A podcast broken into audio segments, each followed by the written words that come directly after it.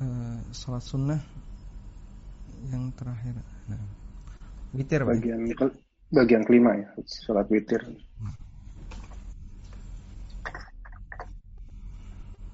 Sudah. Oh, Ustaz. Silakan. Assalamualaikum warahmatullahi wabarakatuh. Alhamdulillahi rabbil alamin.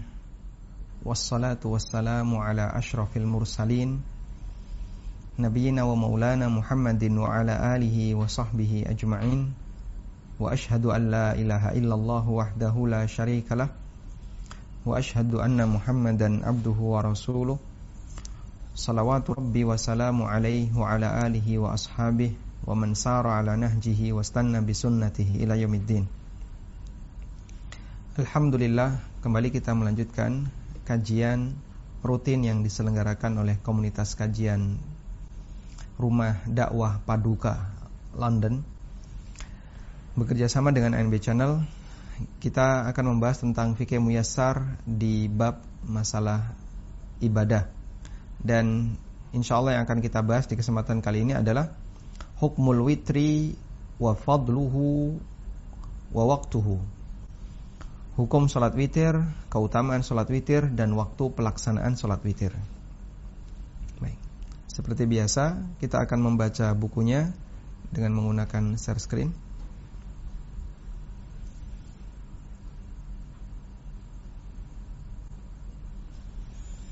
Al-Mas'alatul Khamisah Pembahasan yang kelima Tentang hukum salat witir Salat witir hukumnya sunnah muakkadah Sunnah yang sangat ditekankan Nabi Wasallam sangat menekankan hal ini waragaba fihi dan beliau ngasih motivasi.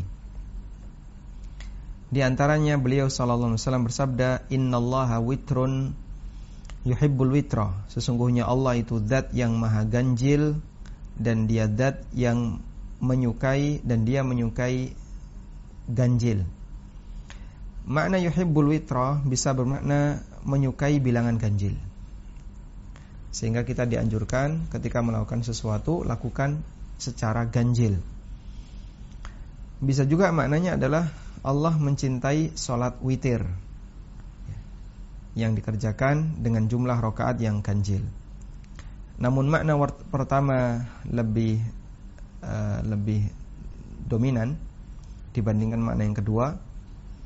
Karena itu dalam beberapa praktek yang dilakukan oleh Nabi SAW sering kali ketika beliau melakukan sesuatu beliau lakukan dengan bilangan ganjil. Seperti ketika berbuka beliau memakan kurma dengan bilangan ganjil. Ketika Idul Fitri beliau sarapan dengan beberapa bilangan ganjil kurma.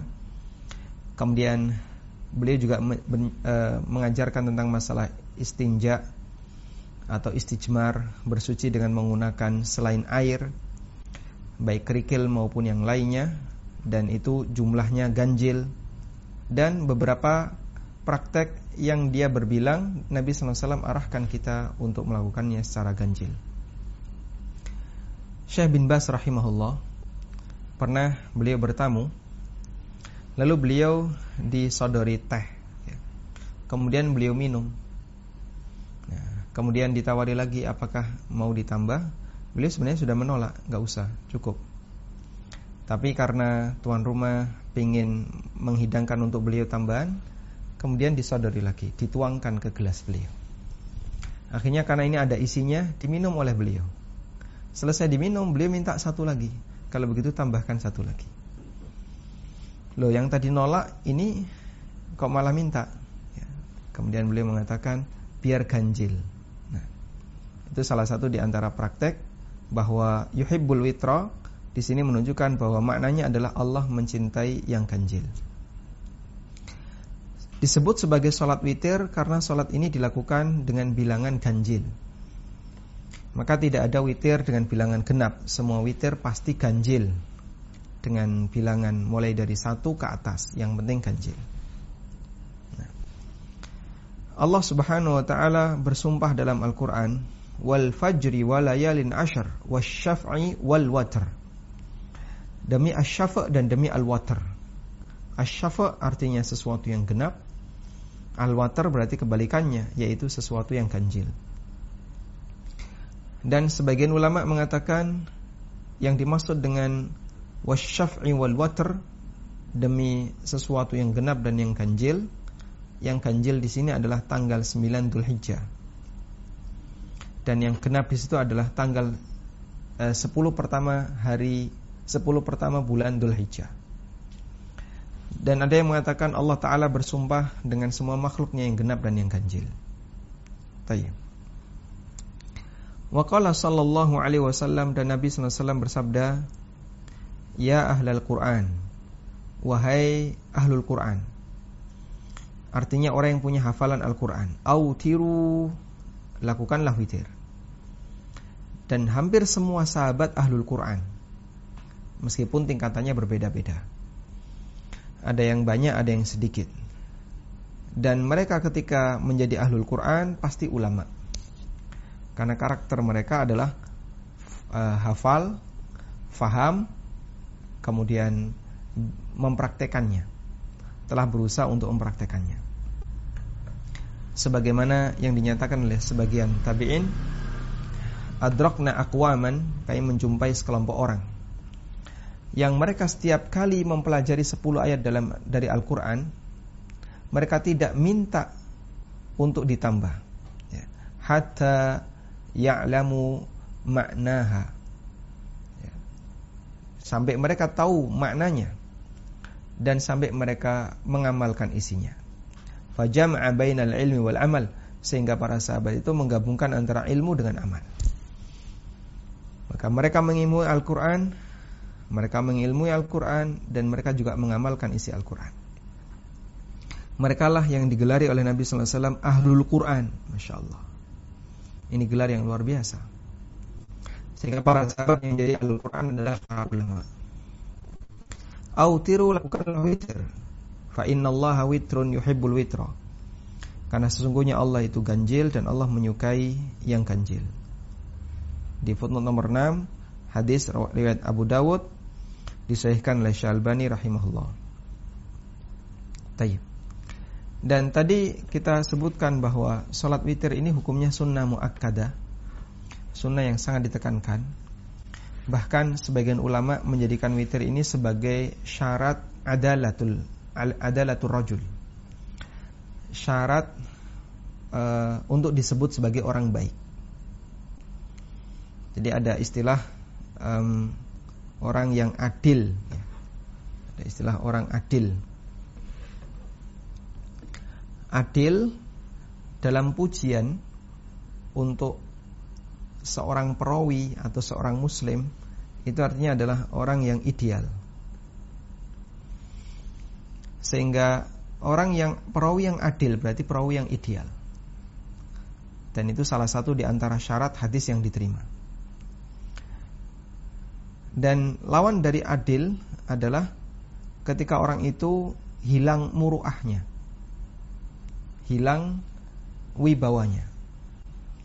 Disebabkan karena dia melakukan perbuatan baik kefasikan, apalagi perbuatan bid'ah, kemudian atau perbuatan yang itu menunjukkan kebiasaan buruk seorang hamba. Ya, termasuk di antaranya adalah meninggalkan hal-hal yang sangat ditekankan dalam Islam. Seperti sholat witir ya. sehingga sebagian ulama menjadikan ini sebagai karakter bahwa untuk bisa disebut sebagai muslim yang ideal dia harus mengerjakan sholat witir. Nah, nah persaksian yang diterima adalah persaksian syahadatu adil persaksian dari orang yang adil. Persaksian dari orang yang adil sehingga syahadah persaksian dari orang yang adil inilah persaksian yang diterima. Kalau dia tidak adil, ya, artinya tidak ideal, maka sebagian ulama meragukan persaksiannya sehingga kalau dia jadi saksi tidak diterima. Baik. Di zaman kita standar seperti ini sangat uh, jauh dengan standar di masa silam betapa banyak orang yang tidak punya kepedulian terhadap sholat witir dan nggak sholat witir dan bahkan nggak kenal tentang syariat witir. Walhamdulillah Bapak Ibu mau mengenal tentang syariat witir. Nggak kenal tuh gimana? Banyak orang yang ngerti tahajud. Sholat lail. Dia bangun jam 3, setengah 4. Punya kesempatan banyak untuk melakukan sholat lail tapi dia tidak sholat witir. Ya dua rakaat dua rakaat dua rakaat gitu ya. Tapi tidak sholat witir. Dan sangat disayangkan padahal dia punya kesempatan tapi tidak mengerjakan sholat witir. Selanjutnya mengenai waktunya. Waktu sholat witir adalah antara isya sampai subuh. Biijma'il ulama dengan sepakat ulama. Sebagaimana keterangan penulis berdasarkan praktek Nabi sallallahu alaihi wasallam dan juga sabda beliau sallallahu alaihi wasallam innallaha amaddakum bi salatin hiya khairul lakum min humrin na'am. Allah taala ya, menambah untuk kalian satu salat. Allah menambah untuk kalian. Coba kita baca syarahnya ya Innallaha amaddakum. Allah amadda bermakna membentangkan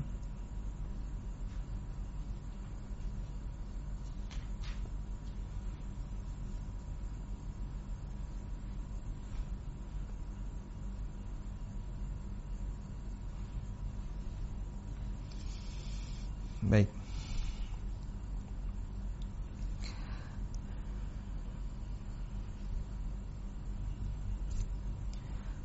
Amaddakum bimakna zadakum wa a'takum. Allah tambahkan untuk kalian, Allah berikan untuk kalian. Innallaha amaddakum, Allah tambahkan untuk kalian satu salat. Ya khairul lakum yaitu lebih baik bagi kalian min humrin na'am. Lebih baik bagi kalian dibandingkan onta merah. Ya. Yang dimaksud dengan humur ini bentuk jamak dari ahmar an-na'am artinya ibil. Sehingga sholat ini disebut oleh Nabi SAW yang lebih eh, lebih bagus dibandingkan onta merah. Onta merah itu apa sih? Kita ngertinya kan kendaraan yang mewah gitu ya. Nah ternyata onta merah itu adalah onta yang kuat dipakai perjalanan nurut dengan pemiliknya. Sehingga enak untuk ditunggangi ya. Kuat nurut itu karakter unta merah. Makanya biasanya unta seperti ini harganya mahal. Lalu apa yang dimaksud dengan sholat tambahan itu? Sholatul witri. Itu adalah sholat witir. Antara isya sampai terbit fajar sampai subuh. Nah sehingga ini menunjukkan bahasanya sholat witir sangat ditekankan oleh Rasulullah Sallallahu Alaihi Wasallam. Dan hadis ini dijadikan dalil oleh sebagian ulama yang berpendapat bahwa witir itu wajib. Karena ada khilaf tentang uh, sholat witir, apakah sifatnya sunnah muakkadah ataukah wajib. Ada sebagian yang mengatakan bahwasanya witir hukumnya wajib dan berdalil dengan hadis ini Nabi Allah Ta'ala tambahkan untuk kalian. Maksudnya adalah tambahkan tugas. Namun pendapat yang lebih kuat Witir adalah anjuran sunnah mu'akad Dan itu pendapat jumhur ulama. Taib. Hadisnya kita coba lihat footnote nomor 7 Diriatkan oleh Abu Dawud At-Tirmidhi, Al-Hakim dinilai sahih oleh Al-Hakim dan disetujui oleh Ad-Dahabi Faqala al-Albani kata Albani sahih tapi tanpa tambahan hiya khairul lakum min humrin na'am. Sehingga uh, hanya kalimat innallaha amaddakum bisalatin salatul witri. Salatul witri. Allah tambahkan untuk kalian satu salat yaitu salat witir. Nah. Dan hadis ini diperselisihkan sebagian ada yang menilai sahih, sebagian ada yang menilai dhaif. Karena itu menurut pendapat yang mengatakan bahwa witir hukumnya sunnah muakkadah, mereka mengatakan hadis ini dhaif. Hadis ini dhaif. Sehingga tidak bisa jadi dalil. Wallahu alam. Baik. Namun kalau kita mensahihkan hadis ini sebenarnya maknanya tidak menunjukkan hal yang wajib, tapi penekanan bahwa sholat witir itu sangat ditekankan dan waktunya antara isya sampai subuh. Fa'idha tola al-fajru apabila sudah terbit fajar maka tidak ada sholat witir. Berdasarkan sabda Nabi SAW, sholat malam itu dua rakaat dua rakaat. Fa'idha khasya ahadukum apabila kalian itu takut nabrak subuh, ya, sholat rakaatan wahidah maka dia bisa sholat satu rakaat. Tu tirulahu qad sebagai witir untuk semua yang telah dia kerjakan.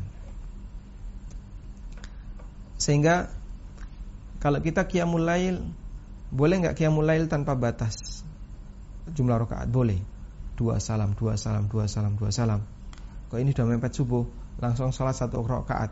Tu tu tirulahu qad sebagai witir untuk sholat-sholat sunnah yang telah dia kerjakan. Sebagai witir pengganjil untuk sholat-sholat yang telah dia kerjakan. Fahada dalil maka ini menunjukkan bahwa waktu sholat witir sudah keluar ya bitulu il fajri dengan terbitnya subuh. Wallahu alam. Al Hafidh Ibnu Hajar mengatakan wa usarrihu minhu yakni fid dalalah yang saya tegaskan dari kandungan dalil di atas adalah sini wasrahu minhu yang fi dalala dan yang lebih jelas lagi dalam masalah pendalilan tentang waktu sholat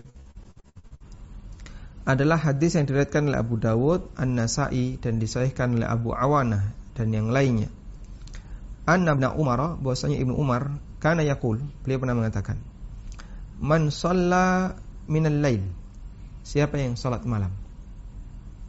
Falyaj'al akhir salatihi witra. Maka hendaknya dia jadikan sholat penghujungnya adalah witir. Fa inna Rasulullah sallallahu alaihi wasallam kana ya'muru bidzalika. Karena Rasulullah SAW memerintahkan seperti itu. Fa idza kana al-fajru apabila fajar sudah terbit faqad dhahaba kullu salatil laili wal witri. Maka telah selesai waktu untuk salat lail dan salat witir. Kita lihat di footnote 1 Fathul Bari. Ini disebutkan dalam Fathul Bari. Dan riwayat tadi disebutkan oleh Al-Hafidh Ibnu Hajar. Nah Meskipun ulama khilaf ya tentang hukum sholat witir setelah terbit subuh. Ya. Hukum sholat witir setelah terbit fajar.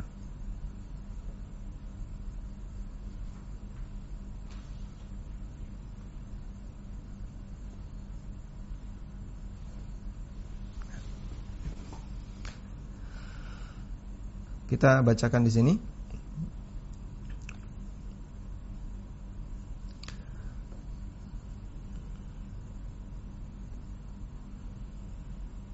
Mengenai salat witir padahal sudah terbit adzan ada uh, keterangan yang disampaikan oleh Ibnu Utsaimin rahimahullah. Idza tala al-fajru wa anta lam tutir fala tutir. Walakin salli fin nahari arba' raka'atin in kunta tutir bisalasin.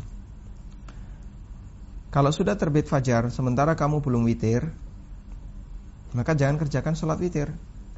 Tapi kerjakanlah sholat di waktu duha 4 rakaat, kalau witir kamu 3 rakaat. Karena Nabi SAW apabila beliau tidak bisa mengerjakan sholatul lail ya, karena bangun beliau setelah subuh maka beliau sholat di siang hari yaitu di waktu fajar 12 rakaat. Namun terdapat riwayat dari sebagian sahabat bahwa tidak masalah sholat witir setelah adzan subuh batas waktunya sampai ikomat. Di antara mereka adalah keterangan Ibnu Mas'ud radhiyallahu anhu yang diriwayatkan oleh An-Nasa'i dinilai sahih oleh Syalbani. Juga keterangan Ibnu Abbas diriwayatkan oleh Imam Malik dalam Al-Muwatta. Juga Ubadah bin Samit diriwayatkan oleh Imam Malik dalam Muwatta radhiyallahu anhum ajma'in. Ya. Syekhul Islam Ibnu Taimiyah pernah ditanya tentang orang yang ketiduran dari sholat witir sehingga bangun-bangun sudah subuh. Maka beliau mengatakan yusalli ma baina tulu'il fajri wa salati subhi. Dia boleh sholat antara terbit fajar sampai sholat subuh sebagaimana yang dilakukan oleh Ibnu Umar, Aisyah dan yang lainnya. Dan diriwayatkan oleh Abu Dawud dalam sunannya dari Abu Sa'id, Rasulullah SAW bersabda, "Man nama an witrihi au nasiyahu falyusallihi idza asbaha au dzakar." Siapa yang ketiduran sehingga tidak salat witir atau dia lupa maka hendaknya dia kerjakan ketika sudah masuk subuh atau ketika dia ingat.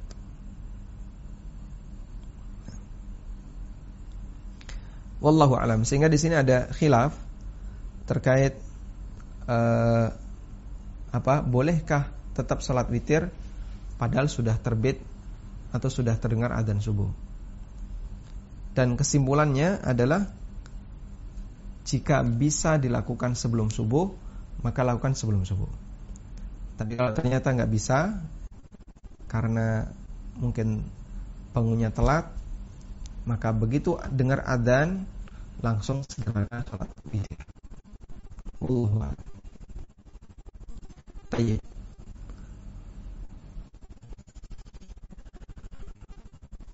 Selanjutnya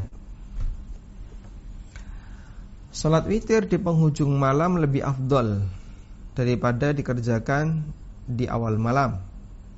Nah, namun dianjurkan untuk menyegerakannya di awal malam bagi orang yang punya dugaan dia tidak bisa qiyamul lail di akhir malam.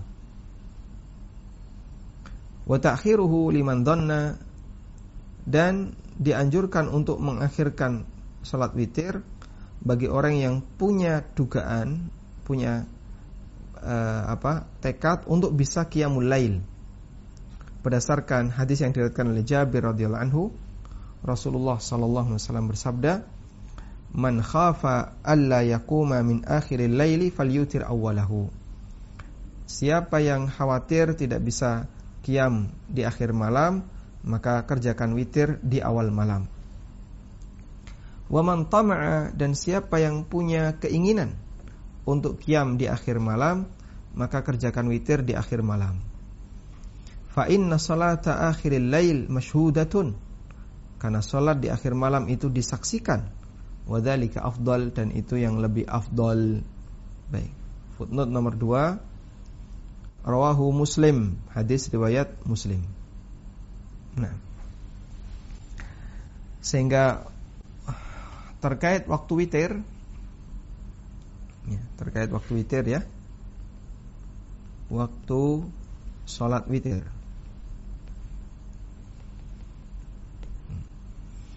Baik. Batasannya adalah dari mulai selesai sholat isya sampai subuh. Lalu ada toleransi, ada waktu toleransi pasca subuh bagi mereka yang punya kebiasaan sholat witir tapi satu saat dia telat. Maka dia boleh kerjakan pasca waktu subuh. Pasca adzan subuh. Meskipun sudah masuk uh, apa sudah masuk adzan subuh dia boleh mengerjakan witir setelah itu. Nah, sebagai toleransi mengingat dia punya kebiasaan. Baik.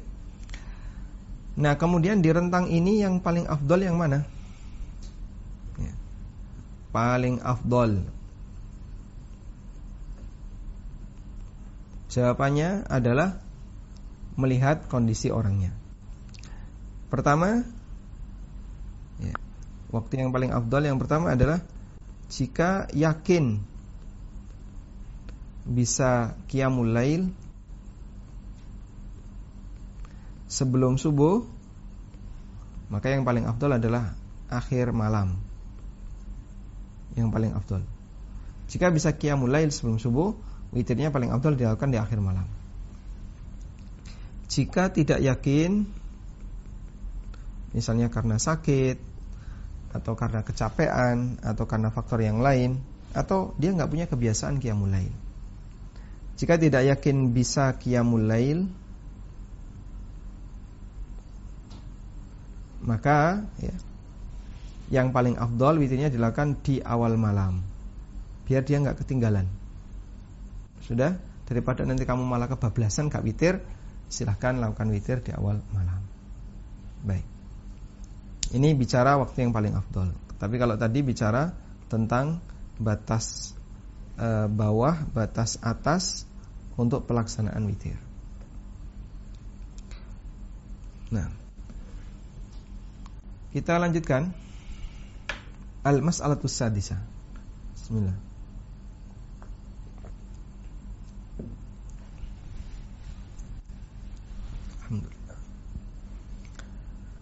Tentang sifatul witri wa adadu rakaatihi. Tata cara salat witir dan jumlah rakaatnya. Witir minimal satu rakaat berdasarkan hadis Ibnu Umar dan Ibnu Abbas secara marfu. Al-witru rak'atun min akhiril lail.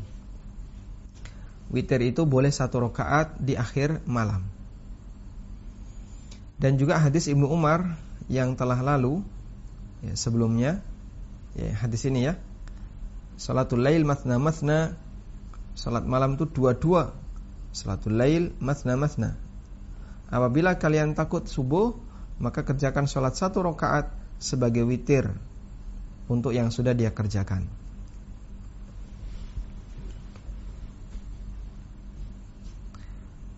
Salli shalla rakaatan wahidatan tutirulahu ma qad shalla. Kerjakan sholat satu rakaat sebagai witir untuk sholat yang telah dia kerjakan. Dan dibolehkan untuk witir dengan tiga rakaat boleh witir dengan tiga rakaat berdasarkan hadis Aisyah radhiyallahu anha anna nabiyya sallallahu alaihi wasallam kana yusalli arba'an ya. Nabi sallallahu alaihi wasallam salat empat rakaat jangan kamu tanya ya, khusyuknya panjangnya Kemudian beliau salat lagi empat rakaat. Jangan tanya khusyuknya panjangnya. Thumma yusalli salasan. Kemudian beliau salat tiga rakaat. tentang witir satu rakaat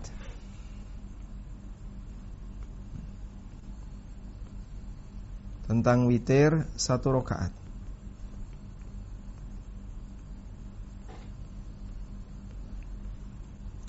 ulama beda pendapat mengenai witir satu rakaat sebagian pendapat mengatakan witir satu rakaat ya boleh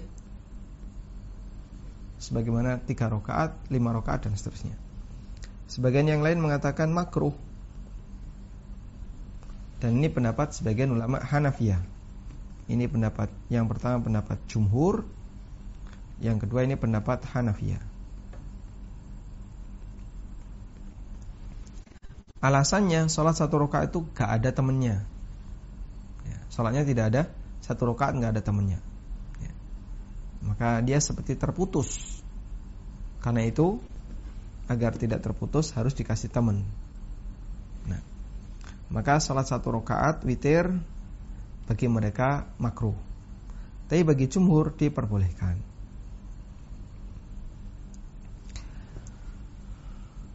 Kemudian salat witir bisa tiga rakaat tadi sudah ya.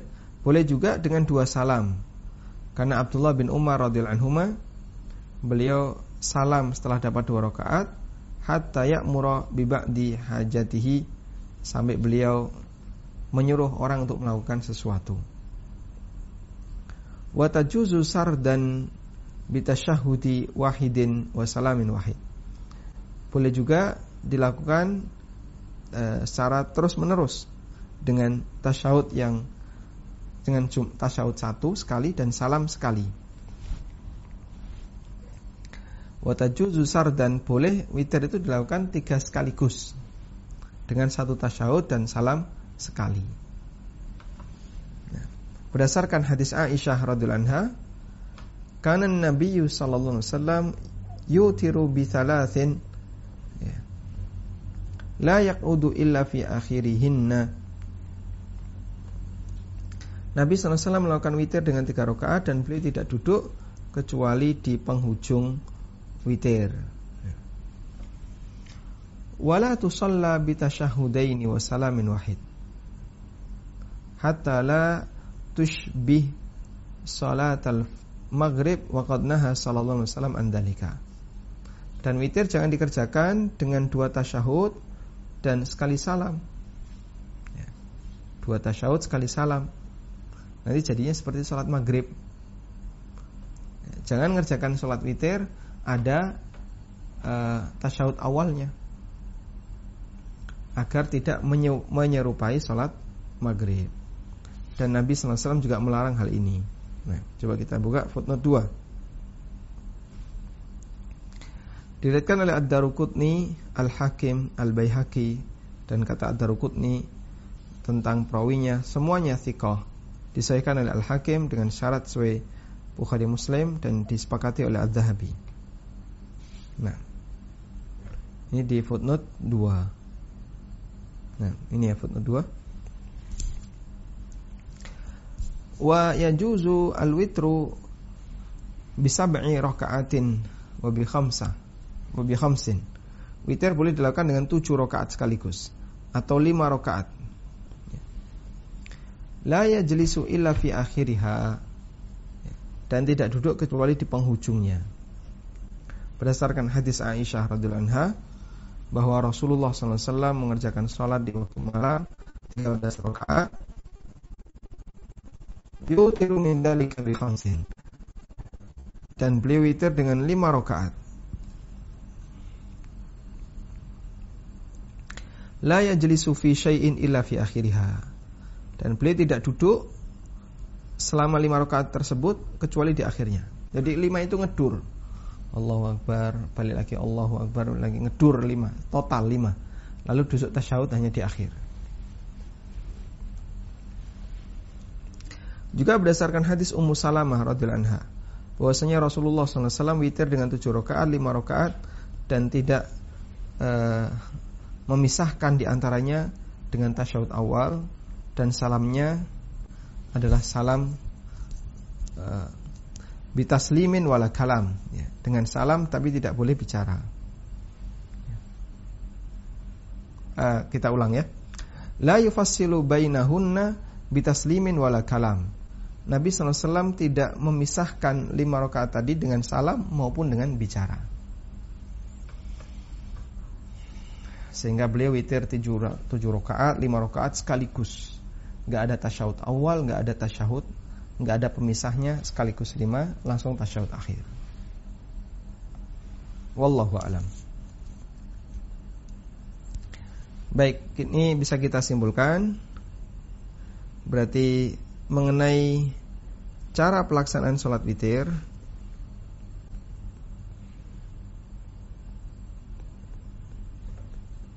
cara mengerjakannya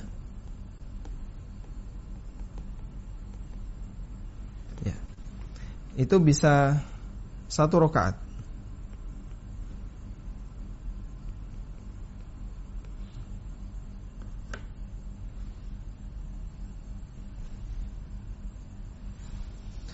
Satu rakaat.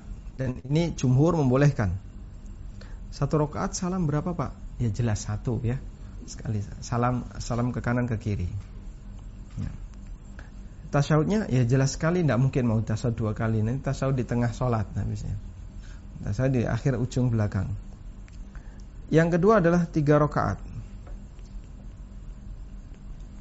ini bisa dengan dua cara sekaligus tiga rakaat atau dipisah dengan salam. Dua rakaat salam. Jadinya dua plus satu. Taib. Lalu lima rakaat. Dalam prakteknya sekaligus. Sehingga yang sholat lima rakaat maka pelaksanaan sholat witirnya adalah langsung dari rakaat pertama sampai terakhir sekali salam, sekali tasyahud. Nah, kemudian tujuh rakaat. Kayaknya penulis tadi tidak menyebutkan ini. Maka ini uh, enam lalu tasyahud awal. Ya. kemudian satu terus salam. Ini yang tujuh rakaat. Ada tasyahud awal setelah dapat enam rakaat. Wallahu alam baik dan mau memilih mana pun insya Allah diperbolehkan karena semuanya uh, dipraktekkan oleh Rasulullah SAW maupun para sahabat dengan cara yang beragam. Wallahu alam. Baik, sampai bagian ini, apakah ada yang mau disampaikan? Karena lanjutannya sudah beda materi ya. Al-mas'alah as-sabi'ah al-awqat al-manhi anin nafilah fiha waktu larangan untuk melaksanakan sholat sunnah. Baik, witir kita coba lihat dulu witir apakah ada yang mau disampaikan. Nah, wassalamualaikum Muhammadin wa ala alihi wa sahbihi wasallam. Alhamdulillah, terima kasih Ustaz. Uh, sebelum ke pertanyaan uh, dari jamaah, ini saya ada pertanyaan waktu bulan Ramadan kemarin Ustaz. Ada di salah satu masjid di daerah selatan, eh daerah barat, selat, barat itu ada sholat tarawih di mana saat witirnya imamnya melaksanakan sholat witir seperti sholat maghrib. Jadi tata caranya mirip sholat maghrib. Lalu bagaimana kita sebagai makmum Ustaz harus bersikap atau bagaimana kita sebagai makmum Ustaz? Alhamdulillah. Nah, yang saya pahami status sholat witir dengan menyerupakan sebagaimana sholat wajib itu ada dalilnya. Tapi hadisnya dhaif dinilai dhaif oleh Syalbani dan kalau di buku tadi di catatan kaki nomor 2 diriatkan oleh Ad-Daruqutni, Al-Hakim, Al-Baihaqi dan riwayat Ad-Daruqutni semuanya thiqat disahihkan oleh dinilai sahih oleh Al-Hakim dan disetujui oleh Az-Zahabi dan ulama khilaf tentang hadis ini bahwa sholat witir tidak boleh menyerupai sholat maghrib. Ulama khilaf tentang keabsahannya. Namun yang kita bisa pahami nampaknya larangan ini adalah larangan yang lebih bersifat uh, makruh tanzih, larangan makruh. Sehingga salah satu di antara tindakan makruh yang dilakukan oleh seseorang adalah dia melakukan uh, sholat witir menyerupai maghrib. Ada tasyahud awal. Tapi insya Allah tetap sah. Kesimpulannya jika memang imam seperti itu maka sholat di belakang imam ini saat subuh kesimpulannya sah. Ya. diperbolehkan. Meskipun yang lebih bagus adalah ketika witirnya uh, apa tidak disamakan sebagaimana sholat maghrib tapi dua rakaat salam lalu nanti tambah satu. Wallahu alam. Alhamdulillah. Uh, ke Mbak Tati mungkin ya. Silahkan Mbak Tati diambil. Alhamdulillah. Silakan Mbak Tati. Bismillah. Assalamualaikum. Ya. Waalaikumsalam warahmatullahi Gimana kabar? Uh, Ustaz kami beruntunglah tinggal di Indonesia. Di sini sekarang jam 12, eh, jam 11 itu Isya. Kita sholat Isya, kita kerjakan sesuatu sudah hampir jam 12. Terus jam 3 uh, kita sudah harus sholat subuh. Uh, Jadi tidurnya amat sangat sedikit. Eh, kebanyakan ulama di sini atau imam-imam di sini menyatakan bahwa ya sholatlah witir sebelum tidur. Eh, pertanyaan saya, apakah apakah menurut eh, Rasulullah kalau kita sholat malam itu memang harus tidur dulu? Atau walaupun waktunya pendek atau panjang, atau kita dianjurkan harus tidur dulu untuk melaksanakan sholat malam dan ditutup dengan witir? Itu pertanyaan. Yang kedua, kalau kita bangun sudah matahari aja sudah tinggi, apakah kita harus sholat uh, witir dulu baru subuhnya? Kalau masih adan, saya mengerti. Tapi kalau itu sudah matahari sudah keluar, sudah waktunya uh, waktu subuh sudah habis, karena kita terlambat whatever reason, uh, kita langsung sholat subuh, atau kita harus melaksanakan witir juga kalau belum witir. Jazakumullah khair. Wajazakumullah khairan. Masya Allah. Baik. Sekarang berarti malamnya berapa jam di daerah utara? Pendek Ustaz. Ini kira-kira seperti ini Ustaz. Jadi ya, maghrib jam jam 9. Ya. Subuh jam 3. Masya Allah. Jam 3. Masya Allah. Maka Allah ya. anugerahkan kepada kaum muslimin Hampir semua negara Islam itu tidak jauh dari ekuator. Sehingga pola siang malamnya masih sangat teratur. Ya meskipun ada sedikit lebih panjang kalau di Turki, di Mesir ya. Tapi kalau di Indonesia dan kanan kirinya, alhamdulillah, pola siang malamnya selisihnya paling setengah jam ya. Antara sekarang kita siangnya lebih pendek dibandingkan malamnya. Nah, saya bahas yang pertama terlebih dahulu. Apakah untuk bisa qiyamul lail kita harus tidur dulu? Bedakan antara qiyamul lail dengan tahajud. Ini dua hal yang berbeda. Qiyamul lail adalah semua ibadah yang kita lakukan di waktu malam. Baik bentuknya salat, membaca Quran, berzikir, dan aneka ibadah-ibadah yang lainnya yang kita lakukan di waktu malam. Ya. Sehingga kita berharap semoga kegiatan kajian yang kita selenggarakan kalau di Indonesia sudah larut malam ya setengah sembilan ini masuk dalam kategori qiyamul lail karena kita beribadah di waktu malam. Sedangkan tahajud itu lebih identik kepada sholat yang dikerjakan di waktu malam. Dan apakah harus sudah tidur terlebih dahulu? Di antara sebagian ulama mengatakan tahajud harus tidur dulu. Ada khilaf di antara ulama. Ada yang mengatakan tahajud harus tidur dulu. Sebagaimana keterangan Ar-Rafi'i Beliau ulama madhab syafi'i. Beliau mengatakan At-tahajjudu yaqa'u ala salati ba'dan naum Wa amma salatu qabla naumi fala tusamma tahajjudan. Tahajud itu berlaku untuk salat setelah tidur dulu. Kalau salatnya sebelum tidur maka tidak dinamakan tahajud. Ya. Kemudian setelah menyampaikan ini Ar-Rafi'i membawakan riwayat dari Kathir bin Abbas dari sahabat Hajjaj bin Amr radhiyallahu anhu.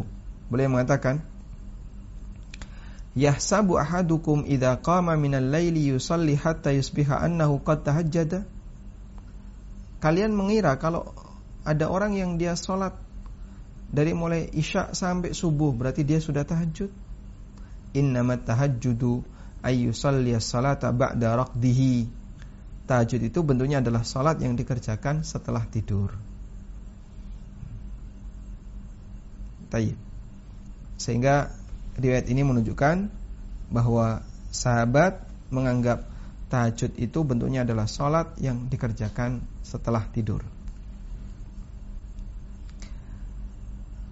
Dan kata Ibnu Hajar, sanat riwayat ini Hasan ya, dalam perawi dalam dalam sanadnya ada perawi yang bernama Abu Saleh juru tulis Imam Laits dan Abu Saleh ada kelemahan. Nah, intinya riwayatnya diperselisihkan. Yang kedua, tahajud tidak harus tidur dulu. Salat tahajud adalah semua salat sunnah yang dikerjakan setelah isya, baik sebelum tidur maupun sudah tidur. Ini disebutkan dalam keterangan salah satu ulama madhab Malikiyah di Hasiyah Hasyiah Ad-Dasuki. Karena tahajud memiliki arti munajabatul hajud yang artinya adalah menjauhi tempat tidur. Dan semua orang yang melakukan sholat malam bisa disebut tahajud jika dilakukan setelah bangun tidur atau di waktu banyak orang yang tidur. Ya, sehingga ada dua makna tadi ya. Bisa dilakukan setelah bangun tidur berarti dia munajab muna, uh, mu, apa menjauhi istinab al-hajud. Ya. Muna mujanabatul hajud dia menjauhi uh, tempat tidur dengan cara bangun lalu dia sholat.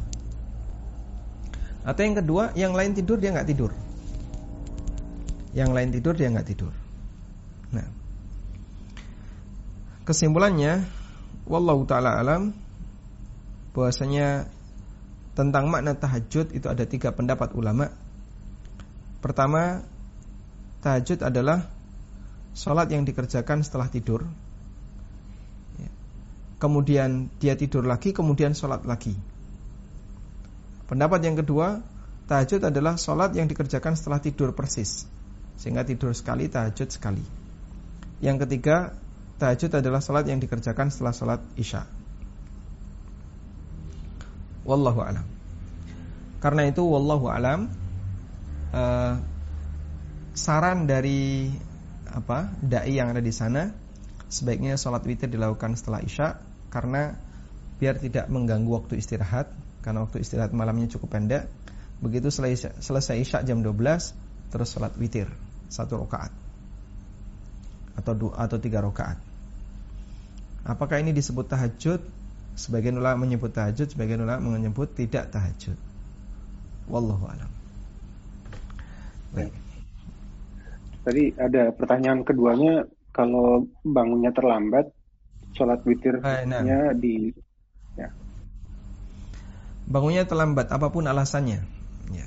apakah sholat witirnya boleh dikerjakan karena sudah melebihi dari waktu subuh yang kita bahas tadi adalah yang tepat masuk waktu subuh jadi terlambat sudah adzan sudah terbit fajar maka silahkan kerjakan witir lalu kerjakan qobliyah subuh, sholat subuh dan seterusnya. Tapi kalau terlambatnya jauh gitu ya, misalnya di Jogja subuh setengah lima, dia bangun jam lima atau setengah enam, setengah enam misalnya belum terbit matahari, menjelang setengah enam belum terbit matahari. Ya, ya mohon maaf seperti ini jangan witir, ya. langsung sholat qobliyah subuh dan sholat subuh. Apalagi kalau bangunnya sudah terbit matahari. Ya, kalau sudah terbit matahari, maka qabliyah subuh dan sholat subuh. Hmm. Alhamdulillah. Baik, sebelum ke penanya langsung saya yang bertanya, tapi saya ingatkan kembali sebelum kita masuk ke pertanyaan, saya ingatkan kembali kepada jamaah untuk tidak bertanya langsung kepada Ustadz melalui eh, message di Zoom. Jadi silakan bertanya ke admin Fabiola atau ke WhatsApp yang sudah kami sampaikan di awal. Sekali lagi jangan uh, untuk tidak bertanya langsung kepada Ustadz. Baik. Bismillah, uh, ini pertanyaan dari teman yang sungkan bertanya langsung. Barakallah, semoga Ustadz selalu dalam keadaan sehat dan dalam lindungan Allah Subhanahu wa taala. Yang ingin saya tanyakan Amin, uh, jika terlambat bangun untuk sholat subuh, apakah sholat qobliyah subuh dilakukan setelah melaksanakan sholat subuh? Mengingat sholat subuh itu wajib, jadi harus dilaksanakan segera. Jika iya, apakah ada batasan waktunya? Ataukah tetap melaksanakan qobliyah uh, subuh dulu baru sholat subuh? meskipun bangun terlambat. Baik. Jadi kewajiban itu ada dua ya. Dilihat dari uh, apa waktu pelaksanaannya maka amal wajib itu ada dua. Ada wajib mudayak. Oh iya, nah.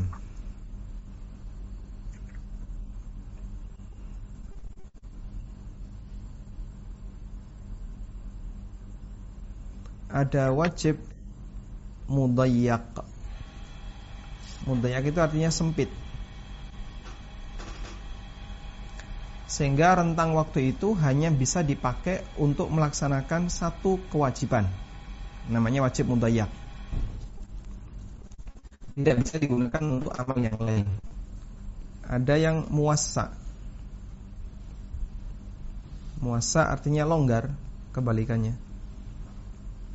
Sehingga masih ada waktu lain untuk mengerjakan kegiatan yang lain. Jika dalam kondisi mudayak, Misalnya subuh jam setengah lima, terbit matahari jam setengah enam, misalnya ya. Lalu orang ini bangun lima menit sebelum jam enam, lima menit sebelum setengah enam. Ya, terbit matahari setengah enam. Ya. Lima menit sebelum terbit matahari dia bangun. Sudah? Maka kesempatan dia adalah sekian menit sebelum terbit matahari di posisi itu sholat subuhnya menjadi wajib mudayak kewajiban yang sempit waktunya. Maka prioritaskan yang wajib selamatkan dia untuk dikerjakan sebelum habis waktu. Yang sunnah nanti bisa ditunda agak siang setelah waktu duha. Di sinilah berlaku kaidah dahulukan yang wajib dibandingkan yang sunnah. Satu. Yang kedua jika kewajiban yang wajib ini masih longgar. Pelaksanaan yang wajib masih longgar. Misalnya, terbit matahari jam setengah enam. Lalu dia bangun jam lima, berarti masih ada waktu setengah jam. Atau jam lima sepuluh, ada waktu dua puluh menit. Dia ke toilet, selesaikan tugas, ya. lalu dia kerjakan sholat. Nah, di sini kalau rentang waktunya masih cukup, silahkan qobliyah lalu sholat subuh. Jadi tetap dikerjakan qobliyah. Sehingga tidak berlaku kaidah dahulukan yang wajib daripada yang sunnah. Karena masih longgar. Sehingga kalaupun dia kerjakan yang sunnah lalu setelah itu salat wajib tidak sampai nabrak batas akhir salat. Yang ketiga, jika yang wajib itu sudah telat, telat jauh, ya, misalnya bangun sudah terbit matahari jam 7 Ya sudah Anda sudah telat jauh. Untuk itu Anda kerjakan Apa yang perlu dikerjakan? Anda kerjakan qobliyah Kemudian sholat subuh. Loh ini sudah Subuh udah telat gini udah terbit matahari kok masih qobliyah? Ya percuma saja. Artinya Mau langsung subuh Maupun qobliyah dulu Kan tetap di luar waktu. Dipahami ya sehingga e, misalnya ini terbit matahari. Ini batas, ini subuh. Bangun di sini, bangun. Dia mengerjakan sholat di sini. Orang ini mau mengerjakan sholat qobliyah maupun langsung sholat subuh sama saja.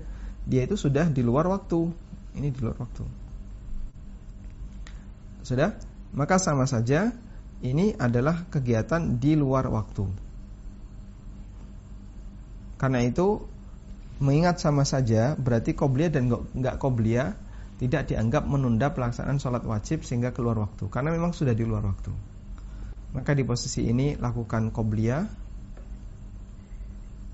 kemudian baru kerjakan sholat wajib. Baik. Karena sudah di luar waktu. Insya Allah bisa dipahami ya. Alhamdulillah. Alhamdulillah. Um, saya langsung ke Ibu Tin di Los Angeles di Amerika. Silahkan di. Ya, jazakallahu khairan uh, admin. Assalamualaikum warahmatullahi wabarakatuh, Pak Ustaz. Waalaikumsalam warahmatullahi wabarakatuh. Uh, pertanyaannya dari zaman dulu kecil kami dari di Cilacap Jawa Tengah. Kalau sholat witir yang dua rakaat salam, terus satu rakaat sesudahnya itu membaca suratnya itu tiga, Pak Ustadz. yang tiga kul itu kul huwalu ahad, anas, dan kul a'udzu birabbil falak. Jadi orang tua kami mengajarkannya begitu, kayak itu tidak afdol kalau suratnya tidak tiga. Uh, boleh dinasihati itu dan satu lagi tadi tentang yang ahli Quran. Apakah yang disebut ahli Quran itu yang harus hafal 30 juz atau yang tadi disebutkan 10 ayat dan diamalkan karena di sini banyak ibu-ibu yang belajar ngaji sudah sepuh, ingin uh, di dalam hatinya saya ingin termasuk ahli Quran, tetapi kan masih belajar tahsin dan terbata-bata, tetapi sangat rajin Pak Ustadz. Untuk menyenangkan hati beliau, apakah boleh beliau-beliau itu disebutkan ahlul Quran? Karena yang mereka takutkan saya nggak bisa ngapal. Berarti saya bukan ahli Quran dong, begitu Pak Ustadz. Mohon nasihatnya, jazakallahu khairan. Baik. Yang pertama untuk witir tiga rakaat, di mana di rakaat yang ketiga dibaca tiga surat kul ya, yaitu kul wallahu ahad dan al falak serta an-nas. Ini disebutkan dalam hadis riwayat Abu Dawud, At-Tirmidzi, Ibnu Ibnu Majah dan disahihkan oleh Syalbani bahwa Abdul Aziz bin Juraij bertanya kepada Aisyah radhiyallahu anha, "Bi ayyi syai'in kana yutiru Rasulullah sallallahu alaihi wasallam?"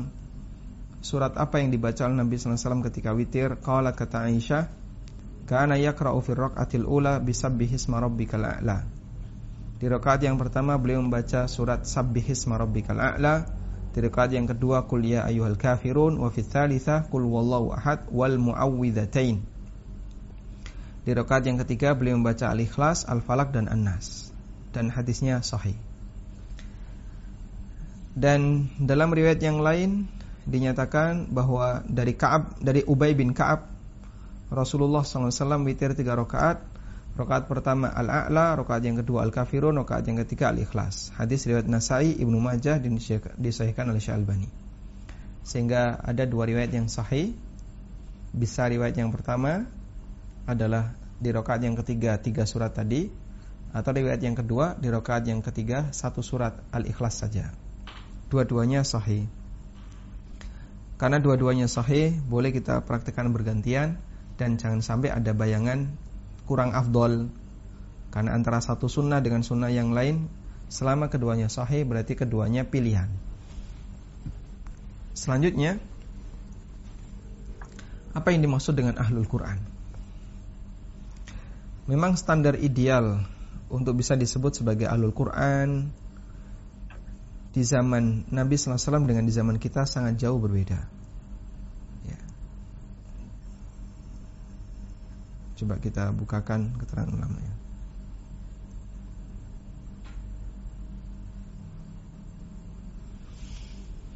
Apa makna ahlul Quran? Ada sebuah hadis Yang hadis ini diperselisihkan oleh para ulama Hadisnya riwayat Ibnu Majah Dari sahabat Anas bin Malik radhiyallahu anhu Rasulullah sallallahu alaihi wasallam bersabda Inna lillahi ahlina minan nas. Allah itu punya ahli, ahlullah. Manhum, siapakah mereka ya Rasulullah? Nabi SAW mengatakan hum ahlul Quran. Ahlullahi wa khassatuhu. Mereka adalah ahlul Quran. Mereka ahlullah wa khassatuhu. Ahlullah berarti ahlul itu artinya kan orang yang akrab dengan sesuatu, yang dekat dengan sesuatu. Keluarga disebut ahl karena akrab dan dekat. Ahlul Quran karena dia akrab dan dekat. Ahlullah wa khasatuhu dan pilihannya Allah. Ya. Kata An-Nawawi, makna ahlul Quran adalah hafadhatul Quran, al-amiluna bihi orang yang menghafal Quran dan melaksana dan meng, mengamalkan isinya.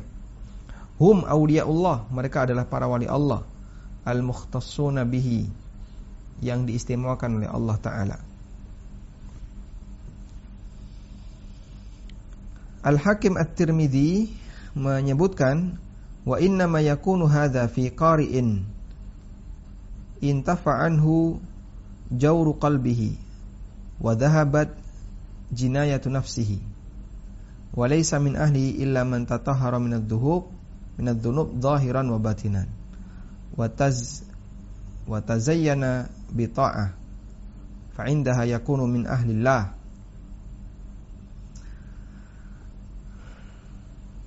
bahwa disebut sebagai ahlullah adalah yang mereka adalah ahlul Quran, mereka adalah orang yang membaca Quran. Tapi tidak diiringi dengan hati ujuk ya. Dan tidak ada bentuk kedurhakaan dalam dirinya. Bukan termasuk di antara ahlul Quran kecuali orang yang bersih dari dosa lahir maupun batin. Menghiasi hidupnya dengan ketaatan, di saat itulah dia menjadi ahlullah. Ya. Kemudian di sini ditegaskan wala yakfi mujarradat tilawah liyakuna min ahlil Quran. Gak sebatas membaca untuk bisa menjadi ahlul Quran. Tidak cukup hanya dengan membaca untuk bisa menjadi ahlul Quran. Hatta ya'mala bi ahkamihi wa yaqifu inda hududihi wa yatakhallaqu bi akhlaqihi sampai dia mengerjakan hukumnya, ya, mentaati batasan yang ada dan berakhlak dengan akhlak Al-Quran. Sehingga wallahu taala alam intinya untuk bisa disebut sebagai alul Quran adalah terkait masalah memahami. Dia paham Al-Quran, lalu dia mengamalkan Al-Quran. Fahada ahlul Quran. Itulah ahlul Quran. Dan biasanya orang kalau sudah memahami itu mukaddimahnya adalah menghafal. Karena di masa silam kan jarang Quran versi tulis. Sehingga dia mendengar, dia hafal, lalu dia pahami penjelasannya, kemudian dia amalkan. Baik, lalu bagaimana dengan kasus tadi? Sudah sepuh ya? Itu orang Indonesia atau asli sana? Biasanya orang Indonesia, Ustaz. Ibu Orang Indonesia. Indonesia. Orang Indonesia Pak Ustadz, uh, kami mengajar tajwid tahsin ke para ibu-ibu gitu. Yang kadang ada orang Indonesia yang Masya Allah sudah lama sekali sampai lupa sholat itu berapa rakaat sampai alif dari mulai alif batak lagi Pak Ustadz. Dan mereka merasa sangat sedih karena telah lalai berpuluh-puluh tahun dan mereka ingin meninggal dalam keadaan menjadi ahli ahli Quran gitu Pak Ustadz. Tapi rajin sekali belajarnya Pak Ustadz. Hampir seminggu tiga kali itu rutin. Gitu. Silakan dimotivasi semoga ini mengantarkan untuk menjadi ahlul Quran. Kita tidak bisa memberikan uh, sebutan hum ahlul Quran, tapi sampaikan insya Allah ini adalah berproses menuju ahlul Quran. Allah menilai usaha. Ya, walhamdulillah dia dapat hidayah di akhir hayatnya ya, semoga itu bisa bertahan sampai akhir hayatnya sehingga mengantarkan beliau kepada husnul khatimah amin amin baik. Alhamdulillah uh, baik saya lanjutkan ke pertanyaan berikutnya Ustaz. mohon maaf dengan bahasa karena ini di langsung dikirim dan langsung kita copy paste baik Bismillah Assalamualaikum warahmatullahi wabarakatuh Ustaz Mohon izin pendapat. Saya melaksanakan sholat isya selalu sebelum tahajud. Karena kalau isya tepat waktu, sering malas tahajud dan witir. Dan lebih suka witir satu rakaat saja, tapi sujudnya agak lama. Sahkah sholat isya tersebut? Ustaz. Jazakallah khair. Terima kasih. Waalaikumsalam warahmatullahi wabarakatuh. Saya melaksanakan sholat isya selalu sebelum tahajud. Ya, memang harus demikian karena mungkin tidak eh, digabung setelah mungkin maksudnya digabung gitu kan Ustaz uh, mendekati nah, supaya dekat gitu di waktu mungkin ya ya di waktu, di waktu sepertiga malam yang terakhir. Ya. atau tengah malam. Ya ada yang punya kebiasaan seperti itu. Jadi beliau tidur jam 9 Tapi belum sholat isya. Tujuannya apa?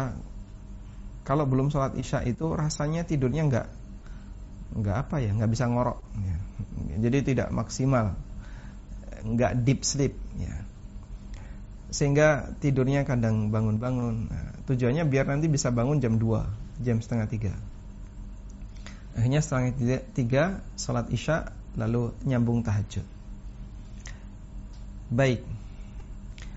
Pertama jika beliau adalah lelaki ini kesalahan. Kenapa? Jadinya tidak jamaah. Saya bicara kondisi normal bukan pandemi ya. Jadinya tidak jamaah. Padahal sholat isya bagi lelaki itu sangat ditekankan untuk berjamaah. Sampai Nabi SAW pernah mengatakan, Lau ya'lamun nasu mas ma fil isya'i was subhi la atauhuma walau habwa.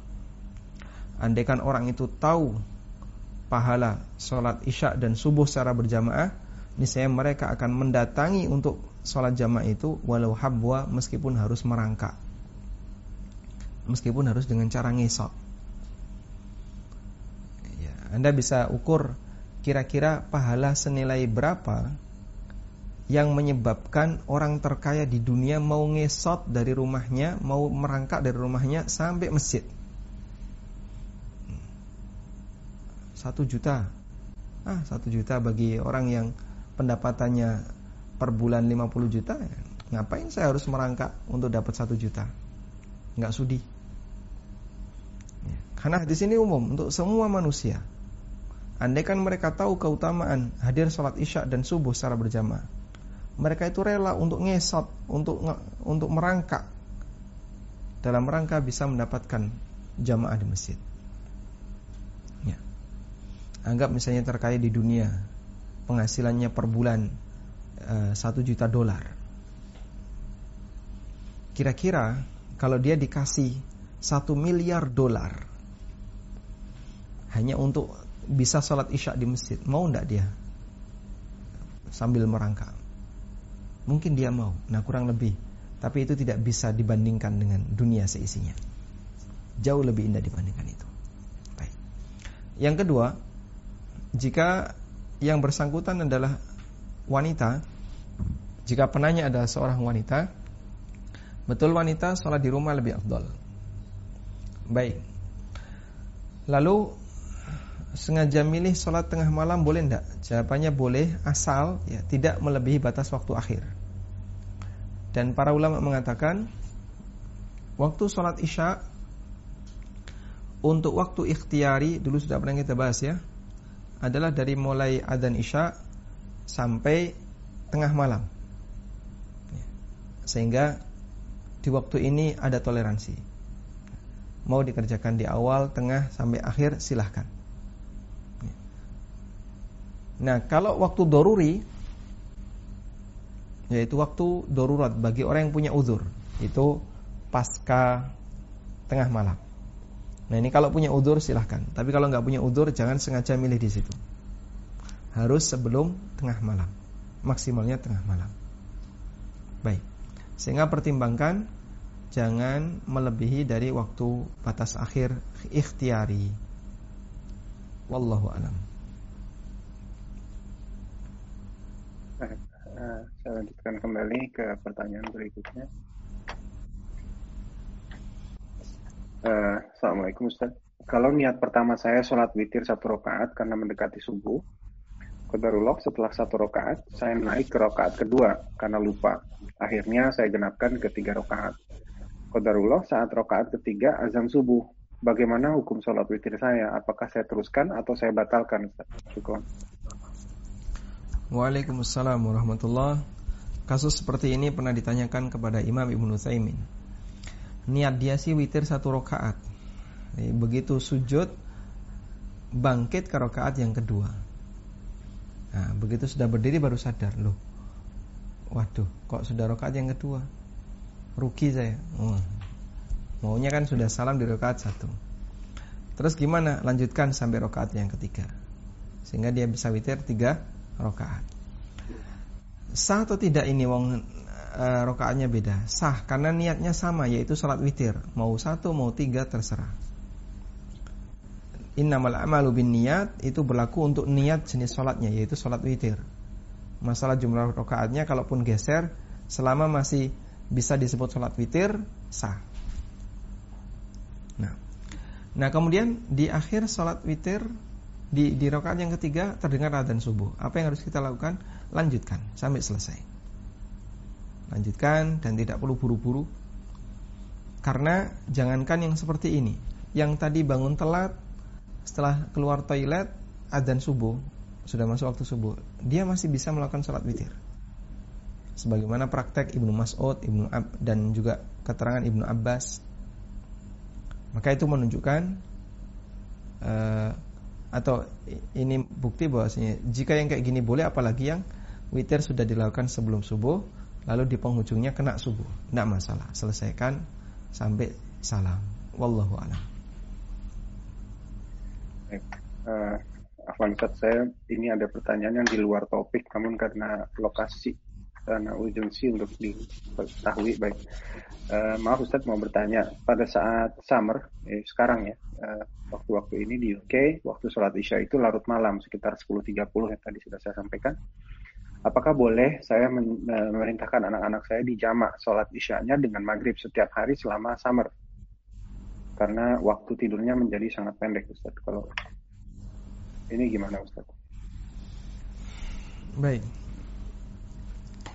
mungkin sebagai solusi bukan dijamak ya. Karena tidak ada uzur yang saya pahami dari situ mengingat kalau seperti itu dilakukan jadinya kaum muslimin yang tinggal di sana sholatnya jadi empat waktu.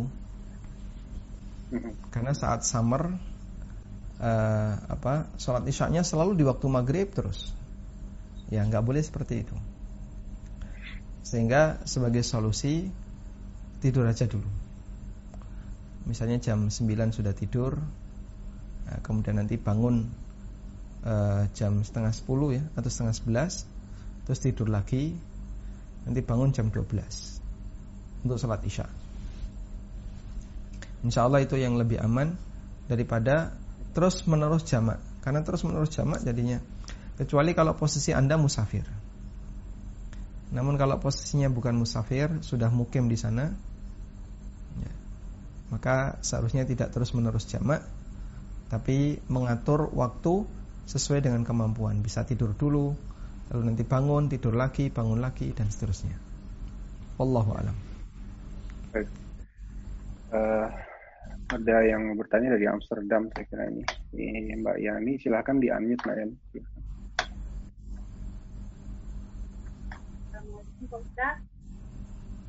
Waalaikumsalam warahmatullahi mohon uh, mau bertanya.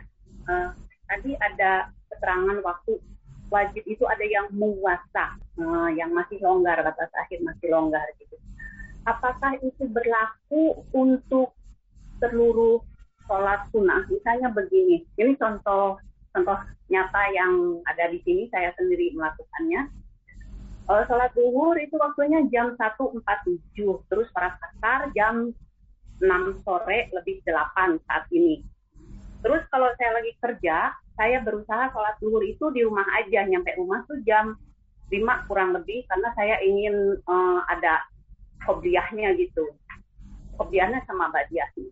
Apakah sholat uh, sunnah yang saya lakukan itu masih masih boleh? Karena tadi saya mendengar ada muwasa itu tadi batas akhir masih longgar, misalnya nyampe rumah jam 5, ke waktu asar masih ada satu jam. Jadi saya masih ada waktu. Kalau saya sholat di tempat kerja, saya buru-buru sholatnya Ustaz. Hmm. Karena cuma waktu 20-30 menit, sholat mana yang nggak nggak tenang gitu loh. Hmm. Apakah itu berwaktu, uh, berguna eh, berlaku untuk seluruh sholat-sholat yang ada? Nah. Baik, uh, itu di rumah ya, sudah pulang kerja, jam 5 sudah di rumah. Ya. Nah, jika seperti itu yang terjadi, insya Allah selama masih longgar diperbolehkan karena duhur itu semuanya waktu ikhtiari dari mulai adzan sampai asar. Jadi ada sholat yang dia punya dua waktu ikhtiari dan doruri. Eh, barangkali bisa diulang apa memori yang dulu sudah pernah kita sampaikan. Ya. ya. Nah, jadi waktu ikhtiari adalah waktu di mana orang boleh milih Mau depan, tengah, belakang silahkan Contohnya duhur Kalau di Indonesia Jam 12 sampai jam 3 misalnya.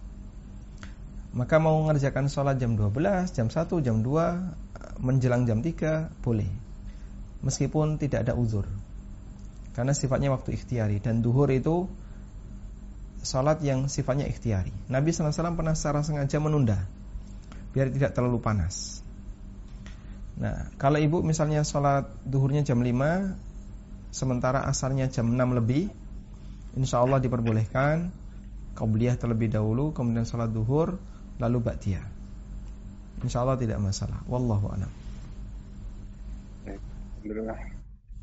Uh, saya lanjutkan ini pertanyaan mengenai witir kembali ke dalam topik.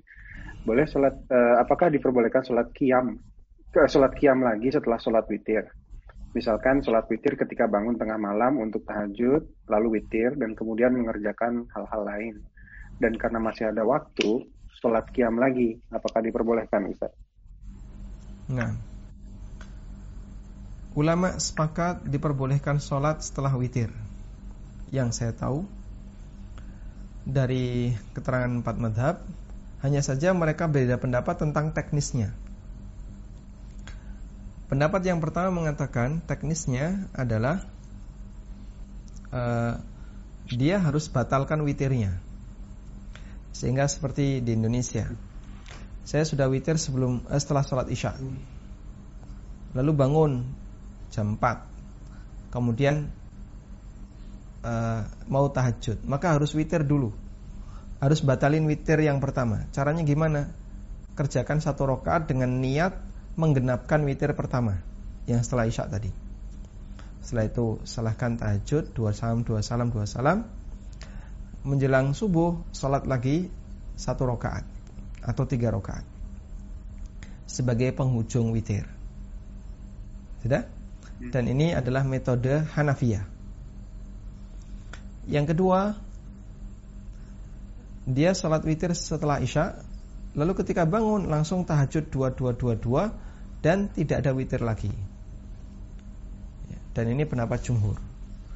Dan yang kedua jauh lebih kuat dibandingkan yang pertama karena yang pertama jadinya orang ini sholat witir tiga kali Setelah isya Pembatalnya Dan di ujung malam Wallahu a'lam. Ini uh, apa Ustaz ini 14.56 sebelum masih 4 menit masih nah. ada diperbolehkan pertanyaan Ustaz. Uh, pertanyaan terakhir. Terakhir ya. Oke. Okay. Uh, baik saya ambil ini ya paling mudah kira-kira Bismillah ini pertanyaannya singkat ini Ustaz. Assalamualaikum warahmatullahi wabarakatuh Ustaz. Uh, apakah ada doa khusus yang harus dibaca setelah selesai sholat witir mungkin yang baik dibaca mungkin Ustaz ya. Waalaikumsalam warahmatullahi wabarakatuh Sholat witirnya sunnah Berarti doanya juga sunnah. Tidak mungkin sholat witirnya sunnah Doanya wajib. Karena dia nggak nyambung. As, uh, Asal ibadahnya sunnah maka ibadah cabangnya juga sunnah. Nah sekarang doa apa yang sesuai sunnah yang dibaca seusai witir? Bisa kalimat uh, Subhanal malikil kudus Subhanal malikil kudus Subhanal malikil kudus Tiga kali. Atau kalimat Allahumma inni a'udhu biridhaka min sakhatik Wa bimu'afatika min uqubatik Wa a'udhu bika minka La uhsi thana'an alaika anta kama atnaita ala nafsik. Dan dua-duanya berdasarkan riwayat yang sahih. Karena itu bisa yang pertama maupun yang kedua. Wallahu alam. Nah. Kita tutup aja mungkin Ustaz sudah waktu uh, menunjukkan jam 9 di Jakarta Baik Demikian yang bisa kita sampaikan semoga bermanfaat. Wassalamualaikum Muhammadin wa ala alihi wa akhiru da'wana alhamdulillahi alamin. Subhanakallahumma wa bihamdika asyhadu an la ilaha illa anta astaghfiruka wa atubu ilaik. Wassalamualaikum warahmatullahi wabarakatuh.